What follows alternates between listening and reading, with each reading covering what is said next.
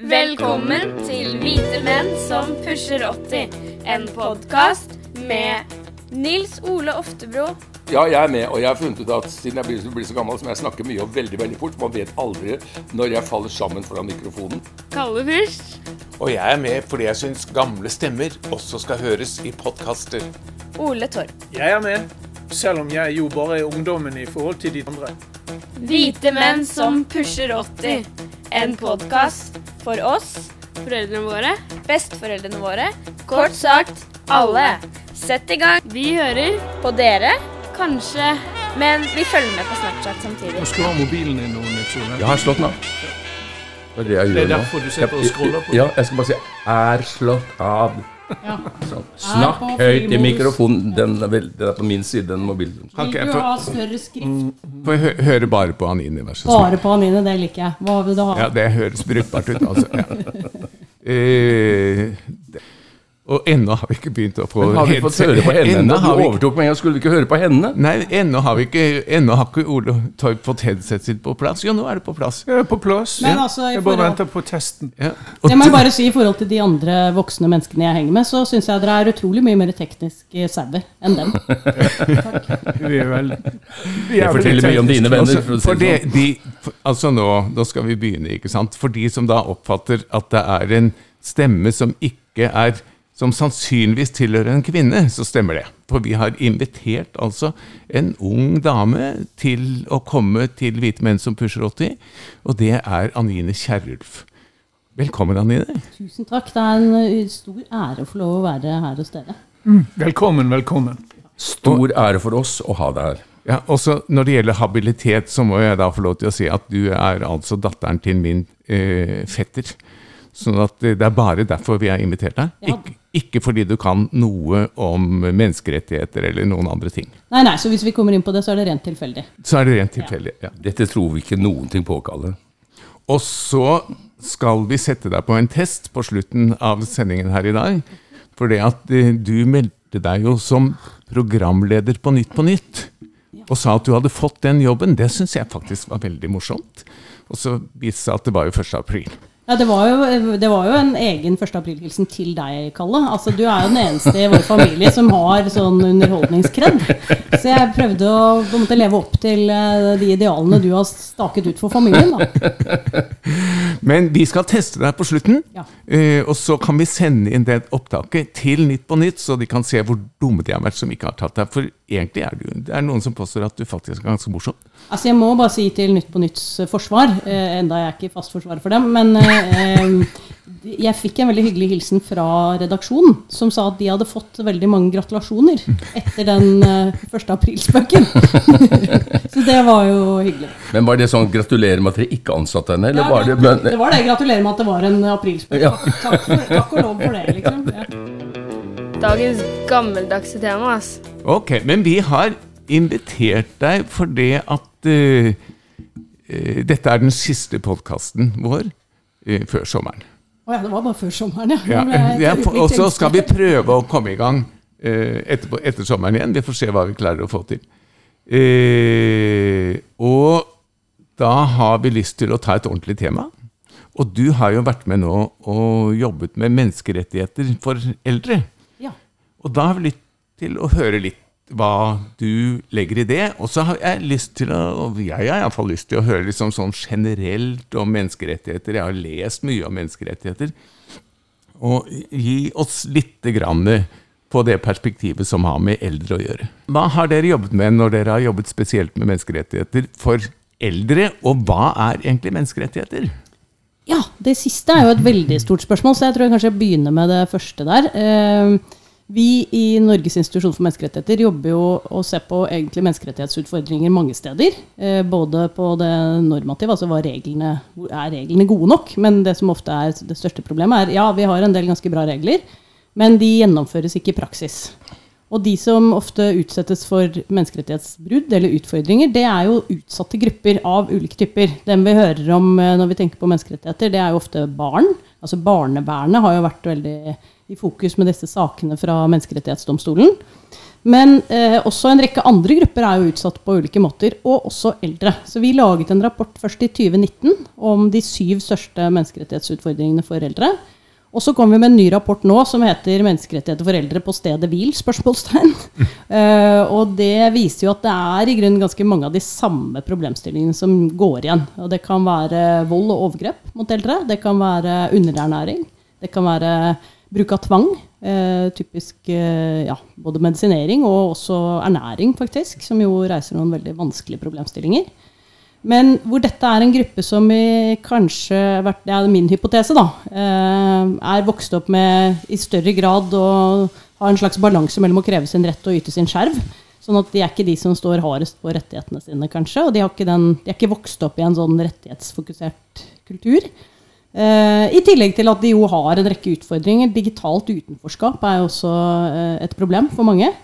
Som gjør at de i mindre grad kanskje hevder disse rettighetene. Uh, og det er jo dessverre sånn at snille gutter og piker de får ikke alltid det de har krav på. Det er de som roper høyest og krever mest, som blir prioritert ofte. og det er kanskje en særlig utfordring for den gruppen som er eldre. Men hva er det dere særlig har funnet?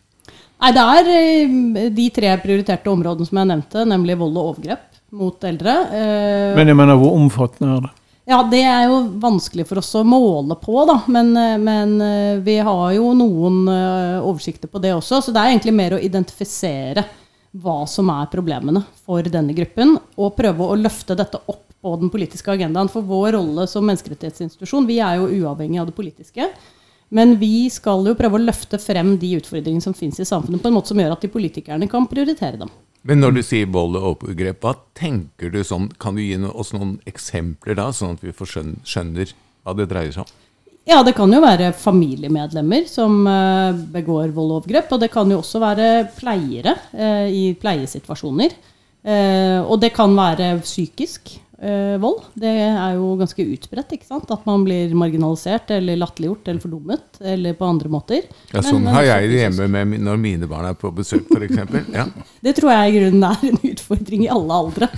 Med det, det barna som Da jeg vokste opp, så het we The Truth Squad. Og det var eh, alltid ubehagelig å bli utsatt for The Truth Squad. Ja. ja. Så vold og overgrep, og vel også sult, da, eh, er først og fremst fra hva skal vi si, Eh, nære relasjoner, enten det er familie eller det er pleiere som kommer eller ikke. Altså at de lar være å gjøre de ting de kunne ha gjort for dem. Men de, ja. ja. Har det også noe med å si at uh, Gjelder det spesielt for folk som er demente eller har på andre måter vanskelig med å områ seg, eller er det generelt sett på, over en viss alder? Jeg tror det er generelt, eh, men det er klart at utfordringene blir jo større med eh, demens eller kommunikasjonsproblemer eh, og hukommelsesproblemer av ulik art. Både fordi Eh, både fordi det er vanskelig rett og slett å kommunisere hva man trenger som, som den utsatte personen.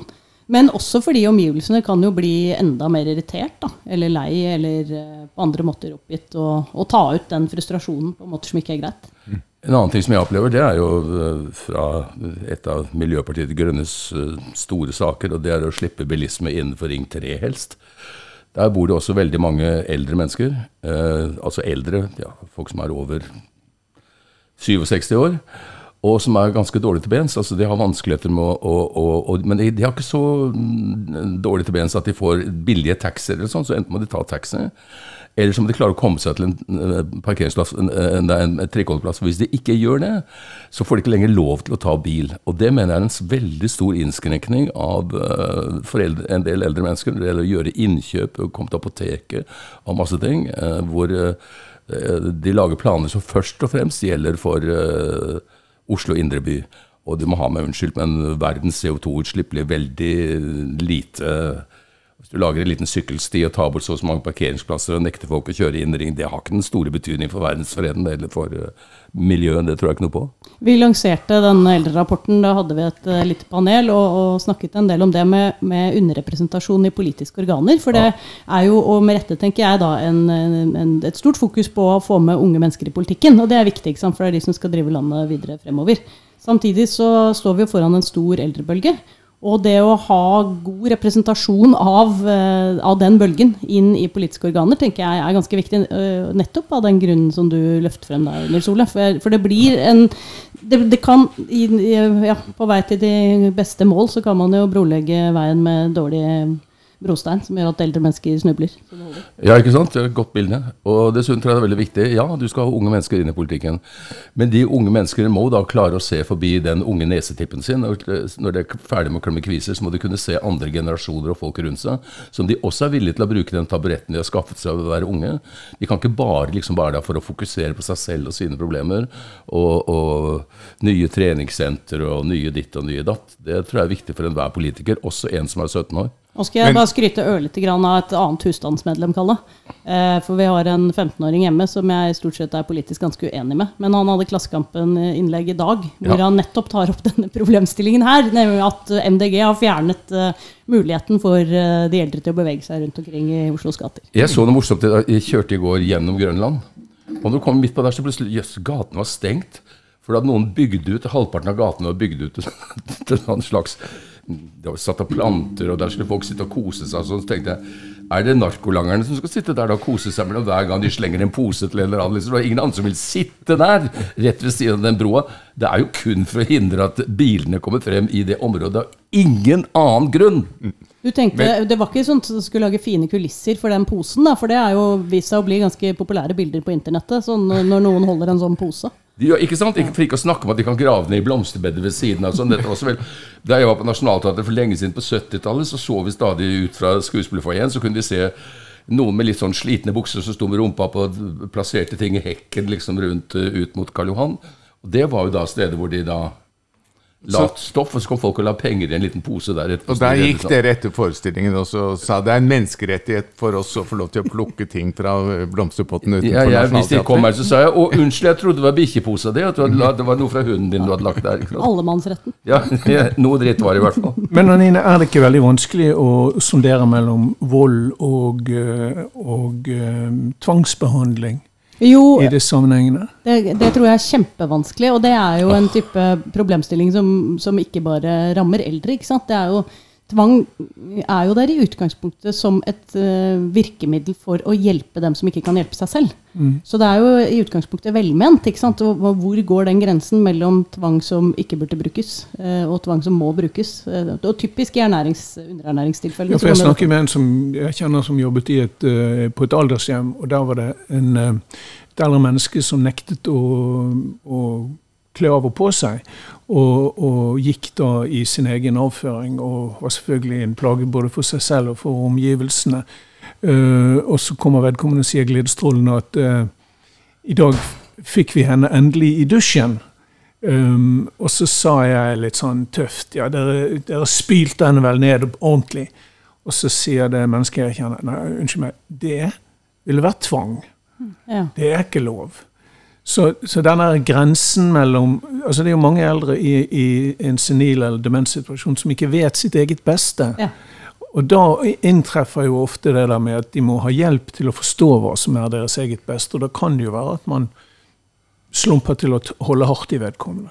Ja, og det, jeg tenker det som er på samme måte for eldre som for psykisk syke og andre som av og til må utsettes for tvang, det er jo akkurat det å få opp bevisstheten om hva som er hva, ikke sant? og hvilke prosedyrer som må til før du kan bruke tvang på en ordentlig måte.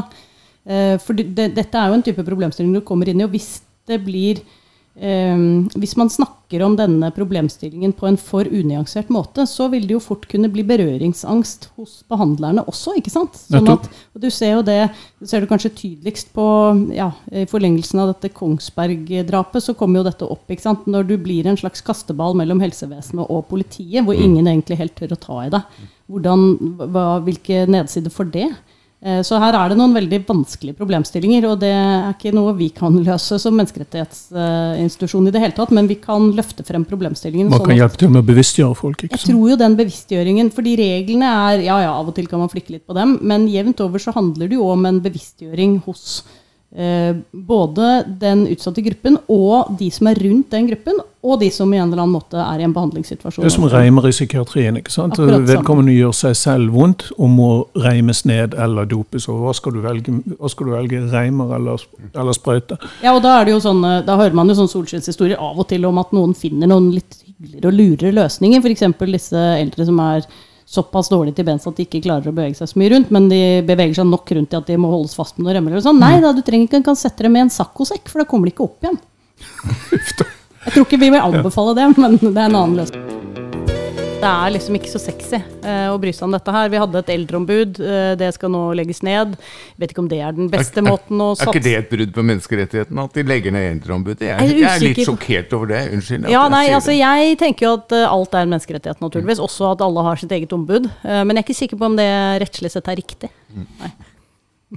Men det er et vanskelig tema, ikke sant? Fordi, fordi de lever for en stor del i det skjulte, mange av dem som har de største Ja, og problemene. hvis du ser på hva det er som gjør at ting kommer opp på dagsordenen i dag, så er jo, det, så er jo internett ganske viktig der, og sosiale medier. Eh, der er jo ikke de overrepresentert, kan du si. Sånn at eh, den, det, var vi, det er veldig bra at dere er sånn voksne influensere. For det er jo ikke så mange voksne mennesker som er influensere i sosiale medier. Så det må dere bare fortsette med. Så ikke noe, ikke noe tvil med at dere må fortsette etter sommeren, Kalle. Takk skal du ha, Da Anine. noterer vi det. Ja, Men hva slags respons får dere på den, eh, disse undersøkelsene? Hva slags politisk respons får dere? Ja, nå hadde vi på lanseringen av, rapporten eh, for noen uker siden, så hadde vi andre Carl I. Hagen med i panelet, og han lurte på om han skulle legge frem hele rapporten som et representantforslag. Så det, det, synes jeg ønsker vi veldig velkommen, hvis det skjer. Eh, nei, vi opplever nok eh, å få ganske god respons på de tingene vi tar opp, men alt er jo en prioriteringskamp eh, i politikken, og det er klart at de gruppene som trykker mest på selv, de får jo også mer gjennomslag. Så dette er nok en gruppe som må ha hjelp til å trykke mer på, er vår oppfatning. Ja, men Det er interessant det at det er så få gamle inn i norsk politikk. Eh, Det burde sannsynligvis vært flere enn Carl I. Hagen. Ikke noe galt om han, vi har gått i klasse sammen. Men eh, så er jeg av og til litt usikker på er det en for, Hvis vi nå f.eks. ser på verden, med Biden og Putin og Alle Xi. Jinping og sånt, noe, alle de er jo litt gamle. Jeg vet ikke om det, uh, ut, om det går så veldig mye bedre pga. at de er gamle. Men eh, i- så Men representasjonen på Stortinget er jo skjev. Han er vel den eneste over Ja, 75? Ja, over 67, tror jeg. Ja. Ja. Så, og det er jo klart, det, det må jo være et, et, et politisk problem Uh, at vi bare har én stortingsrepresentant på, i, i den alderen. Det er jo pussig når vi, vi altså Jeg tenker det er veldig, veldig bra at vi har større oppmerksomhet omkring mangfold. Men vi har av og til et litt snevert mangfoldsbegrep, er min oppfatning. De to gruppene som ofte faller utenfor, det er alder eh, og eh, meningsmangfold. Meningsmangfold også syns jeg er ganske viktig inn i f.eks. styrer. Det, eh, jeg har lest FNs menneskerett. Den er jo stor og lang og, og omfattende, for å si det sånn. Hva vil du si at det er Hvis du skal si essensen på to-tre eh, setninger, hva er det aller viktigste for oss i vårt samfunn? Ja, i Norge, Ja. tenker du? Da tenker jeg nok at det er at eh, alle mennesker har en eh, egenverdi, eh, og i utgangspunktet den samme krav på anerkjennelse og plass i den staten det fins i. Og allerede der så hører du selv i vår norske idyll at dette er et ideal, ikke sant? for det er kjempe, kjempestore forskjeller innad i Norge også, selv om det komparativt sett er, er mindre enn mange andre steder. Eh, Men det tenker jeg nok er et, eh, er et utgangspunkt. Og så er nok jeg Jeg har jobbet med menneskerettigheter nå i 20-25 år. eh, Blant dem som er litt var på at hvis vi kaller alt menneskerettighet, eller kler alt i menneskerettslig språk, så devaluerer vi en del av de, eh, den kraften som ligger i å løfte noe opp til å være egentlig rammer for det politiske. For hvis vi tenker på sivile og politiske menneskerettigheter, altså ytringsfrihet, forsamlingsfrihet, eiendomsrett, retten til en rettferdig rettergang, ikke bli utsatt for noe uten at det er hjemmel i lov og sånn, Ehm, så er jo det en, en, en type eh, rettigheter som forutsetter stort sett at staten ikke griper inn i ditt frirom, det du har igjen som borger i en eller annen sånn tenkt samfunnskontrakt. Mens veldig mange senere menneskerettigheter, det er jo rettigheter som eh, forutsetter at staten gjør noe for deg. Og i Norge som velferdsstat så har jo den tanken staten gjør noe for deg, den har jo vokst frem lenge før menneskerettighetene begynte å få det omfanget det hadde, har nå. ikke sant? Gjennom trygdelovgivning, med helselovgivning, gratis skolegang. Sånn at i, i Norge så ligger det egentlig veldig godt til rette for den måten å tenke på. Men hvis vi, hvis vi tenker at alt bare er trumfkort og krav på individenes hånd overfor staten, så blir jo fellesskapsprosjektet borte. Så vi må holde begge de to tankene i hodet på en gang. For det er tross alt den staten som vi klager på, som vi er avhengig av for å få oppfylt alle disse menneskerettighetene hele tiden. Og Det vil vel si også at uh, vi er avhengig av fred for at alt dette her skal være gjeldende. For det er klart, i en krigssituasjon Hvis du ser på Ukraina f.eks., så kan man jo ikke si at uh, den enkelte unge mann i, i uh, Ukraina i løpet av det siste året har hatt så stor frihet til noe annet enn å bli soldat. Han blir sendt til krigen, de blir holdt tilbake for å kunne være potensielle soldater. Og de blir sendt ut for å drepe eller bli drept. Og det er vel ingen stor menneskerettighet, sett med mine øyne. Nei, det er, Jeg snakket med han eh, tidligere sjefen for saniteten i Forsvaret. Han sa at uh, krig er i grunnen generelt veldig lite helsebringende. Det syns jeg var veldig godt sagt. Jeg tror det bare er armeer og generaler som eventuelt blir i bedre humør av det. Jeg tror de fleste andre ikke blir det. Jeg har eh, fulgt noen forelesningsrekker av uh, professor Terje Tvedt, ja. som var ganske morsomme. Og han, uh, han snakker bl.a. om at da menneskerettighetene kom i 1946, så mener han at en av hovedgrunnene til at USA var drivkraft for det, var for å nekte britene å skulle gjenoppta imperiet sitt. Altså at det var liksom hovedårsakene. Og så var det en del som da var veldig overrasket at de asiatiske landene, som ikke er så individorienterte som vi er i Europa, men mer som samfunnet er viktigere enn deg som individ, at de liksom gikk inn i dette universelle eh, menneskerettighetsbegrepet. Eh, hva tenker du om den tolkningen hans om menneskerettigheter? Du kjenner den sikkert? Ja da, ja, det er veldig mange interessante tanker der. Eh, jeg tenker at det er ikke ett svar på dette. Jeg tror ulike land på ulike måter har hatt uh, ganske mange forskjellige motivasjoner for å tilslutte seg menneskerettighetskonvensjoner og støtte opp under menneskerettighetstanken. Um, og noe kan uh, sikkert ha vært det, kan ikke historien godt nok til å vite om det var å nekte britene imperiebygging igjen. Men det er klart at en, en, helt sentral drivkraft for fremveksten av menneskerettighetene etter andre verdenskrig, det var jo uh, erkjennelsen av at det går an å bygge opp det som iallfall fremstår som helt demokratiske systemer, som innad nasjonalt har en egen legitimitet, også som demokratier, som allikevel begår de verste menneskerettighetsbrudd. Kanskje særlig overfor utgrupper, men også overfor alle som egentlig er opposisjon da, til regimet. Eh, så tanken er jo å løfte dette opp et hakk, sånn at vi har en, en, felles overnasjonal forståelse av at det er noen rammer for politikk også innenfor suverene nasjonalstater. Det er jo liksom den bærende tanken i, i det menneskerettssystemet som vokste frem eh, etter krigen.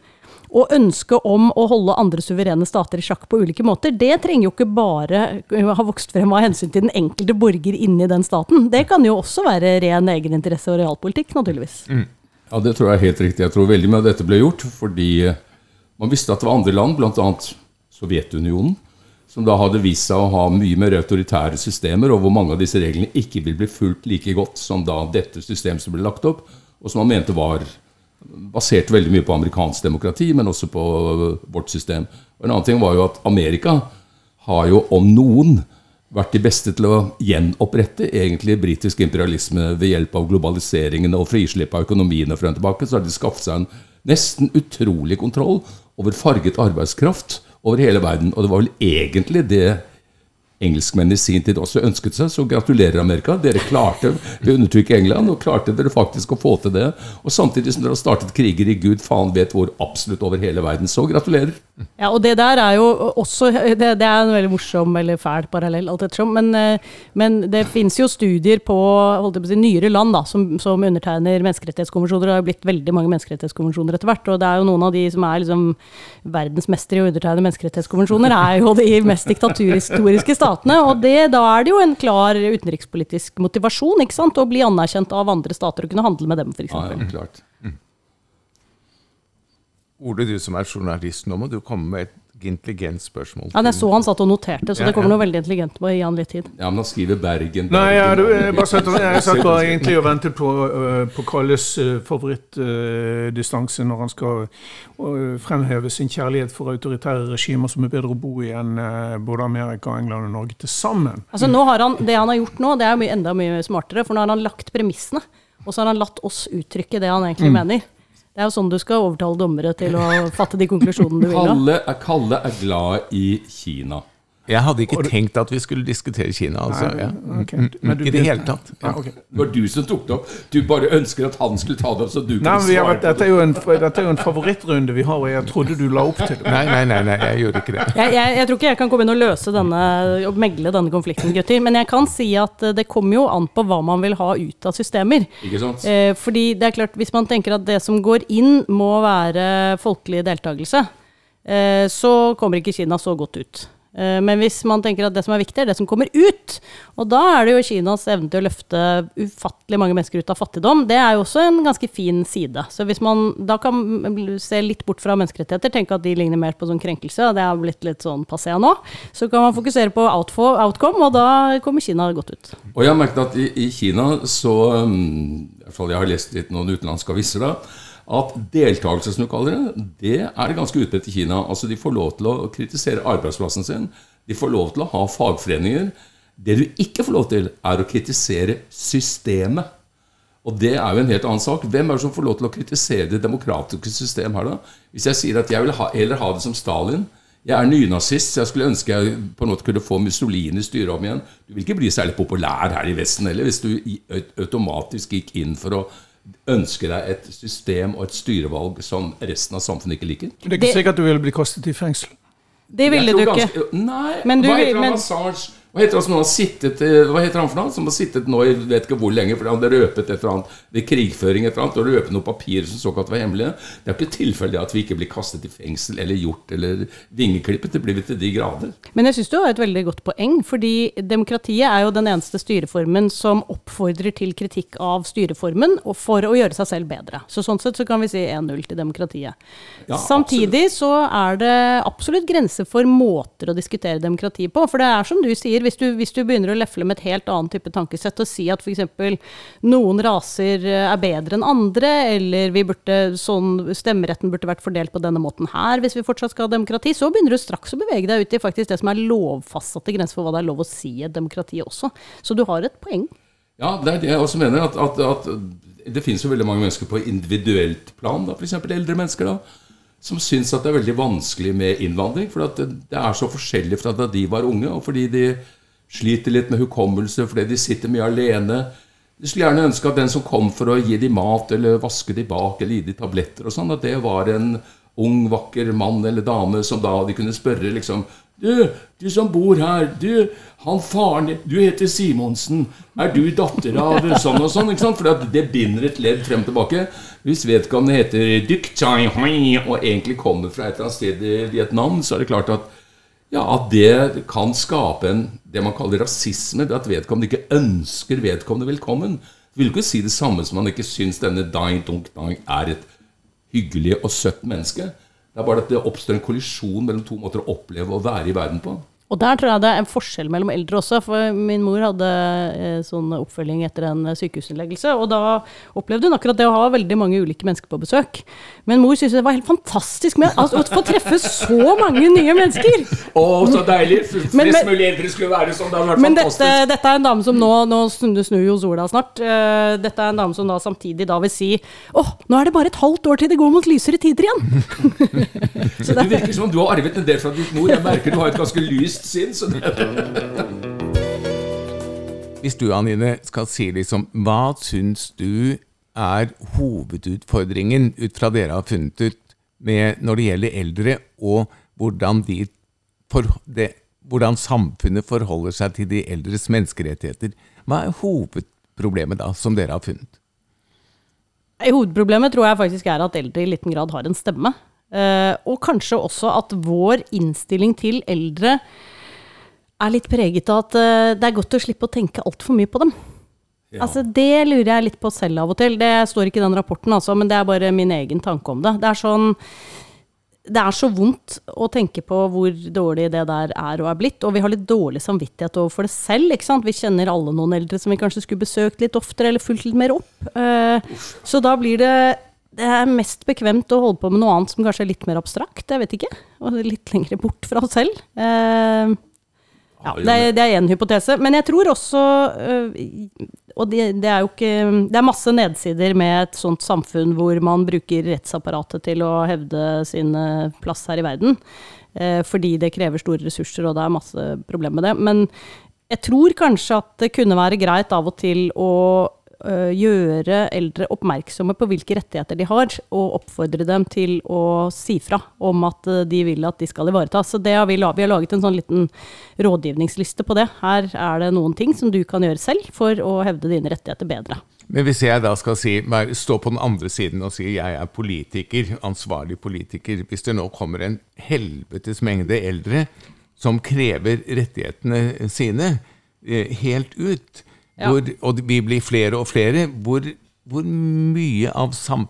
For da blir det jo en politisk prioriteringssak. Hvor mye av samfunnets ressurser skal gå inn på at eldre skal få hevdet sine menneskerettigheter. Det kan jo bli et problem når vi blir enda flere som allerede har pushet 80. Ja, men desto større grunn til å få dette temaet på dagsordenen, tenker jeg. Fordi det, det vil være prioriteringer av de ulike rettighetene for denne gruppen, som for alle andre grupper. De fleste andre grupper har også en rekke menneskerettigheter som kunne vært eh, oppfylt enda bedre. Eh, og da må man prioritere. Og, det er, det er veldig bra at du sier nå, presiserer at menneskerettigheter er liksom ikke at det skal Bare du sier menneskeretter, så skal du få hva som helst, liksom. Nei, jeg er veldig, jeg er veldig var på, eller jeg er veldig lei for at menneskerettigheter i noen sammenhenger har fått den statusen der. Fordi menneskerettigheter, sånn som vi jobber med det på NIM, og da er det jo en rent rettslig størrelse, eh, det er jo egentlig en kilde til oppmerksomhet om eh, hva eh, staten skal oppfylle av krav, men kanskje vel så mye en, en oppskrift om hvordan man bedre kan nærme seg de prioriteringsspørsmålene som politikk alltid går ut på, på en måte som gir gode begrunnelser for de prioriteringene. Det er egentlig den begrunnelsessiden av menneskerettighetsjussen som jeg er mest opptatt av. Fordi når du skal gjøre inngrep i menneskerettigheter, så er det stort sett tre ting som kreves. Du må hjemle lov, du må forfølge et legitimt hensyn, og du må ikke gå lenger for å forfølge det hensynet enn eh, det som trengs eh, eh, for å gripe inn i den rettigheten. Så du ikke griper mer inn i den rettigheten enn du må, liksom. Og i den siste mm, runden der, som er en slags sånn forholdsmessighetsvurdering, som vi lærte litt om under pandemien, ikke sant, det må være forholdsmessig, der ligger det et krav til beslutningstagere om å begrunne hvorfor de prioriterer det de gjør, på bekostning av noe annet. Og den oppskriften der, den savner jeg av og til. Og der er det ren sånn menneskelig syke, da, som vi var innom i sted. Vi vil helst ha bekreftet det vi allerede trodde, Mm. I den eh, menneskelige psyken så ligger det jo også en sånn ehm, eh, Det er lettere for oss å akseptere også ting vi er uenig i, hvis vi får en begrunnelse som vi forstår. Og den begrunnelsessiden, den tenker jeg er ganske viktig. Fordi politikk vil alltid måtte være prioriteringer. Alle kan ikke få alt hele tiden. Og det Men- vil si at du sier at også gjennomføring av menneskerettighetene er en del av det politiske systemet. Ja, det er noen harde grenser for hva man ikke kan gjøre, og noen harde grenser for hva man må gjøre. Men eh, mellom de harde grensene der, så er det ganske stort skjønnsrom og utfyllingsrom politisk. Politisk ukorrekt. Da skal vi komme til et annet punkt. For Anine, eh, da det var snakk om ny programleder for Nytt på Nytt, så la du ut en melding på Facebook om at du hadde fått tilbud om programleder på Nytt på Nytt. Og det syntes jo jeg var ganske morsomt. Inntil jeg skjønte at det var 1. april den lå der. Hva, hva, hva tenkte du da? Nei, Jeg drømte ikke om at den skulle få så mye oppmerksomhet, den posten. Det var, eh, men dette var på det tidspunktet da det var eh, snakk om at Pernille Sørensen skulle gå, gå ut, og så var det uklart hvem som skulle ta over etter, etter henne. Um, og så gikk jeg, jeg tror jeg bare helt tilfeldig gikk gjennom noen sånne bilder, og så kom det bildet opp, for jeg har vært med på Nytt på Nytt en gang som gjest. Og så tenkte jeg det er morsom eh, aprilspøk, det kan jeg si. Og det var jo ikke mer altså Jeg tror jo ofte at spø sånne aprilspøker de funker best hvis man hvis det er en kjerne av sannhet i dem. Og jeg syns jo det å være på Egentlig liker jeg best å tulle og fjase hele tiden. Så det er bare det er, jo ing- det er, er det en menneskerettighet at du får lov til å gjøre det? Nei, det er det ikke, så det tar jeg jo ut på fritiden. Du merker jo veldig sjelden at jeg gjør det f.eks. på Dagsnytt 18. Så der holder jeg meg strengt til manus. eh. Men jeg skulle jo ønske at Nytt på Nytt av og til Jeg har også vært gjest der.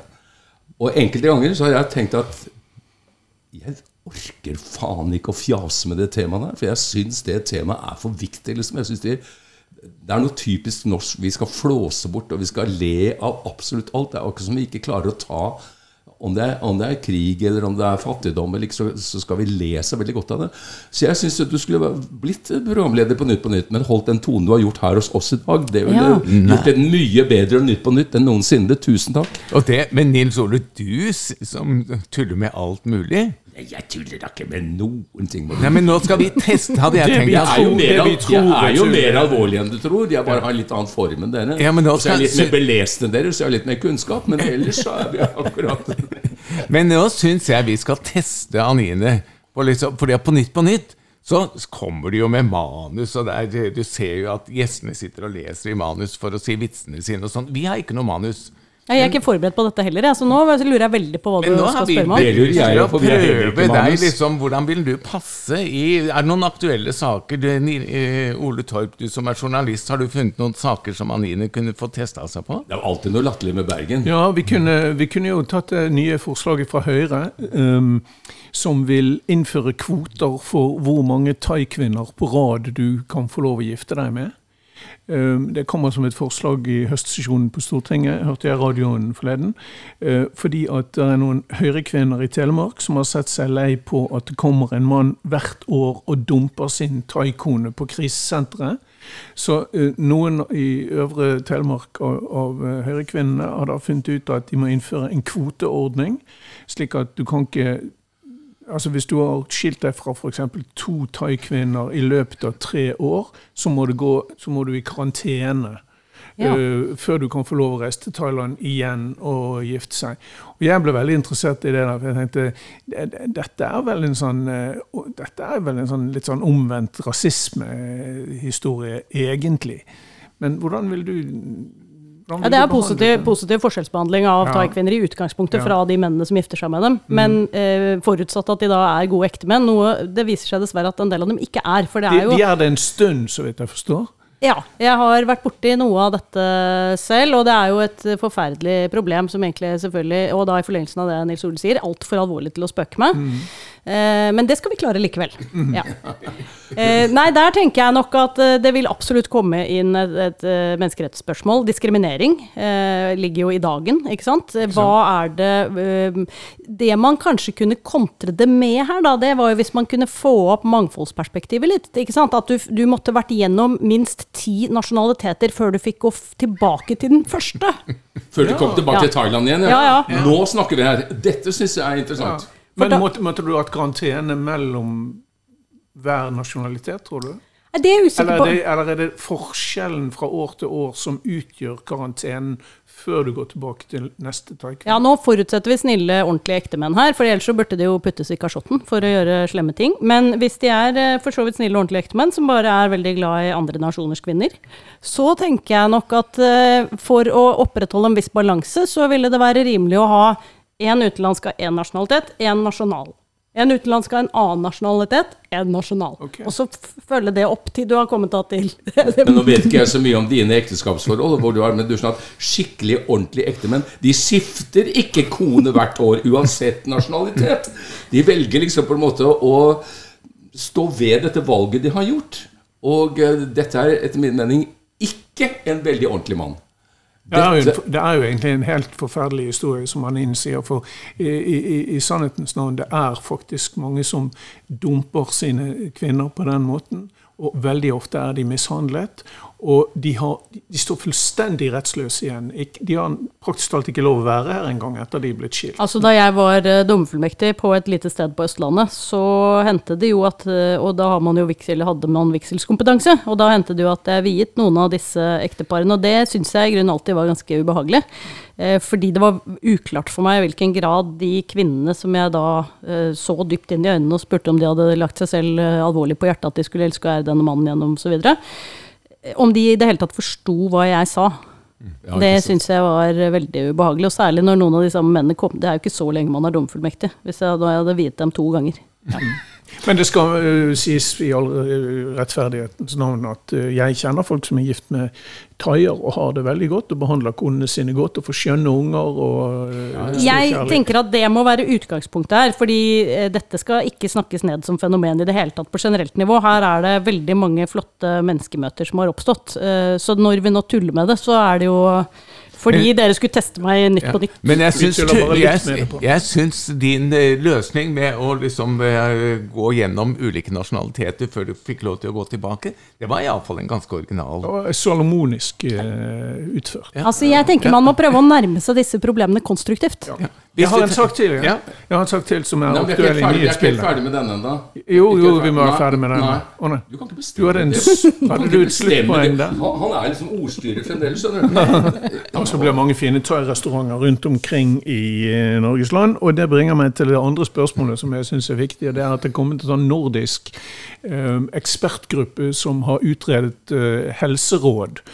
Og spørsmålet er om, eh, om Norge skal eh, legge disse helserådene ut for folket. Der er De viktigste funnene i det store nasjonale eller nordiske helserådet er at vi må det er både noe man må spise mer av, og noe man må spise mindre av. Men la oss ta det negative. Man bør for fremtiden ikke spise mer enn maks 350 gram kjøtt i uken. Og for alkohol er det ingen nedre grense for hva som er bra. Det betyr altså null alkohol. Og jeg lurer på, tror vi at norske politikere vil gå inn på dette? Kan det ikke være helseskadelig å miste gløden av et glass rødvin også? Jeg er glad i både rødvin og rødt kjøtt. Jeg er jeger og ville være veldig lei meg hvis jeg da måtte bare gi bort alt kjøttet skjøt om høsten. Men, eh, eh, så jeg kommer nok ikke til å følge disse rådene, noen av dem. Eh, Men jeg spiser mindre kjøtt, og det er jo fint å bli oppmerksom på hva som er sunt og ikke sunt. Det som slo meg med de rådene, var at de var veldig sammenfallende med hva som var bærekraftig også. Så man slo på en måte to fluer i en smekk her. Det jeg tenkte da, det var at en eh, enda mer effektiv måte å både sikre seg mot livsstilssykdommer og være bærekraftig på klimaets, naturen, klodens vegne, vi har bare en klode, det var i grunnen ikke å bli født. Ikke bli født. Ja. Ja, det er jo kanskje det tryggeste. Eh, nei, jeg liker å være født, så den, den går ikke jeg med på. Den, eh, det godtar jeg ikke. Men det er klart at det, Unnskyld at jeg sier det, men det fins jo ikke noe belegg for det der. Hvis det skulle vært tilfellet, f.eks. med alkohol, så skulle alle muslimer levd mye lenger enn andre befolkningsgrupper. Ikke sant? For de drikker jo ikke alkohol. Det er mulig du må justere for andre levekårsting, kanskje. Vet ikke. Ja, det er akkurat det jeg tror. Jeg tror det er det de gjør veldig lite. De trekker frem de tingene som absolutte. Og det samme folk Jeg tror mange muslimer redder seg på å drikke alkohol når ingen ser det. Det kan jo vi fortsette med. Vi det er sånn vi kan møte Jeg tror det er noe der. Men det er sånn vi kan møte muslimene. Vi kan finne sånne hemmelige klubber hvor man sitter og bælmer sammen. Etter oss. Belmer hjemme. ja, og så kan vi treffe folk fra Argentina som da spiser 90% av det de får i seg, er eh, kjøtt. De, re, de lever på nesten rene kjøttdietter. De lever heller ikke kortere enn Og italienere drikker jo liksom minst en flaske vin om dagen. altså Egentlig er det der som du sier, det er sånn miljø sånn, Vi setter sammen en konvensjon, men vi vet svaret på forhånd hva vi vil frem til. For vi har funnet ut at eh, når det gjelder mat, f.eks., det er en viktig ting til at vi slipper ut CO2. Skam og og moralisme. Og da må vi ned til sånn som De vet svaret på forhånd liksom før de setter opp ligningen. Altså, altså som, som akademiker så kan jeg jo ikke tilslutte meg dette her, for jeg vil jo nødig snakke ned eh, velbegrunnet kunnskap, som jo dette iallfall fremstilles som. Så det er, det er mulig du har rett, men det er ikke sikkert at du har rett. Samtidig så tenker jeg at det det er jo ulike måter å utøve mm, påvirkning på borgerne på. Ikke sant? Vi driver med påbud og forbud i jussen, men dette er jo bare et råd. Så det står vi i grunnen helt fritt til å følge, og det har ikke jeg tenkt å gjøre. Nei, ikke, Det er innslag av moralisme her også. Ja, ja. Og det liker vi så dårlig. At, og det er nedsiden. Hvis du gir råd som oppfattes som moralistiske, så får det fort en omvendt effekt. Da spiser folk mer kjøtt og drikker mer vin. Men det er klart jeg har rett i én ting, og det er at i Norge så er, også spesielt blant yngre mennesker, alkoholforbruket blitt ganske urovekkende høyt. Altså Min datter hadde vært i et selskap, og da hun kom liksom to-tre timer etter at de andre hadde begynt, så var jo liksom halvparten av jentene drita fulle allerede, liksom. Og dette var jenter som er liksom noen og 30 år gamle. Og jeg syns jo det er utrolig trist å høre. at man Altså, det var ikke noen gutter der, så derfor jeg sier de var jenter. Eh, Ja, Det kan du jo ikke vite i våre dager. Nei, men jo nei, nei. Å, herregud, det er de også. Hva? Da var vi der. Jeg, jeg I, I rest my case. Men, men, men altså, ut fra den begrunnelsen så forstår jeg at de sier 'ikke drikk alkohol'. For det er liksom sånn, da er du trygg. Det er det verste som fins, å komme en time senere i et selskap og oppdage at alle begynte å ha det litt gøy, og du er helt umulig å ta dem igjen. Og det går an å ta igjen, men Ja, men det, det, er- Du får et lite vakuum der som alltid er litt sånn corny. Og, ja, Og så ender det med at du blir fullere enn alle, for du blir så fort full. Ja, ja. og, og rekker ikke spise. da, nei, ikke sant, du rekker ikke å spise. Og det ender med at da stapper de deg bare det røde kjøttet og lar grønnsakene ligge, og sånn, for de fyller opp i magen som ikke sant? Ja, Vi har alle vært der. Ja, de har alle vært der. Det er forferdelig. Det grusomt. Og jeg føler jeg lærer så mye av å være med dere voksne. Ja, Vi har levd så lenge. Ja, vi har sånn erfaring. erfaring. Vi har erfaring med de viktige tingene. Ja, ikke sant? Ja. Skål. Men Nei, unnskyld. Nå er dette vår siste podkast før Nei, sommerferien. nei, og før sommerferien, Ja, ja, ja. Og vi håper at vi klarer å komme tilbake etter sommerferien. Men i og med at det nå er den siste Hva har dere planer for i, i sommer? Er det noen som har noen spennende ting? Anine, skal du ut? Du, du har jo både en ung Jeg har jo fulgt eh, din unge sønns kamp for eh, sin skole. Ja. eh, hvor han er, han, han er 15 år, er han ikke det? Jo, det er Natur videregående skole. For det du Ja. sa om han, det hørtes jo kjempefint ut, det du fortalte i stad om han. da. Ja. Ja, Han er på deres lag. Jeg skal sende deg den artikkelen som han Ja, har Så, så du skal ut med Og så har du jo en mann som nesten er like gammel som oss, så Ja, du må, jeg, føler meg helt hjemme her. Du Jeg. må jo Han være er liksom- en flott fyr, han òg. ja, du må jo være midt imellom uh, sønn og, og Kan du ikke mann. invitere alle de tre over ferie? vi er, vi er der med tre, seks stykker her! Dette er Skal Ole og jeg få fortsette å slåss hvem som skal ha ordet når? Dere kommer ikke til å slippe til, men dere sitter her. Er du ferdig nå? Eh, Hvor skal dere hen i sommer? Dere har, Vi skal eh, først til Sandane, eh, Slagstad gård på, i Gloppen. Ja. Uh, og der er Richard uh, hjelpemann på traktor. Oh, det var Rikard Storket, for jeg har spilt inn en film om det. Ha stemmen til Rikard Storket. Ja, Og så er vi på, i Sunndalsfjellene på Nordmøre i tre-fire uker etter det. Uten mobildekning, uten strøm, uten vann, uh, men med masse fin natur. Så det gleder jeg meg til. Ole, skal du stelle blomstene dine i Jeg skal stelle blomster og reise hjem til Bergen. Skal du til Bergen? Ja. Nei, ja. skal du Ja, det? det, Nei, det det er da ikke så oppsiktsvekkende at man vil besøke verdens vakreste by midt på sommeren. Nei. Det er faktisk, Det er faktisk en menneskerettighet. Ja. Det er en, iallfall en rettighet. Bergensere er jo stolt av byen som den er, men bærer jo i sitt hjerte at det en gang var Norges hovedstad. Ja, jeg kaller den fremdeles Norges egentlige hovedstad når jeg snakker med mine kolleger i Bergen. Det blir ofte tatt godt imot. Sier du det? Hva er det du ler av nå, Nils? Nei, ingenting. Jeg bare syns hun er en søt dame. Jeg synes Du kommer med veldig gode argumenter. Søt dame, herregud, det er sånt kan man jo ikke si.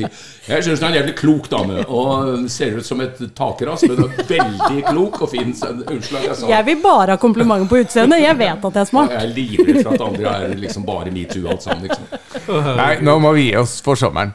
Jeg har jo gjort metoo mot Bergen. da. De har sagt mye pent om Bergen. Vel, Det har jeg. Ja. Det skal jeg ha. ja da, og jeg tror du mener det også. Ja, jeg gjør det. Og du vet, vi bergensere tar det til oss. Ja, Det er godt å høre. Ja, jeg syns Bergen er en ufattelig fin by når den er fin. Den kan vi stå oppe på. Ja. Hvite menn som pusher 80 er produsert av Fyrst og Far film og fjernsyn med støtte av Fritt Ord. Medvirkende er Ole Torp, Nils Ole Oftebro og Kalle Fyrst, som også er produsent.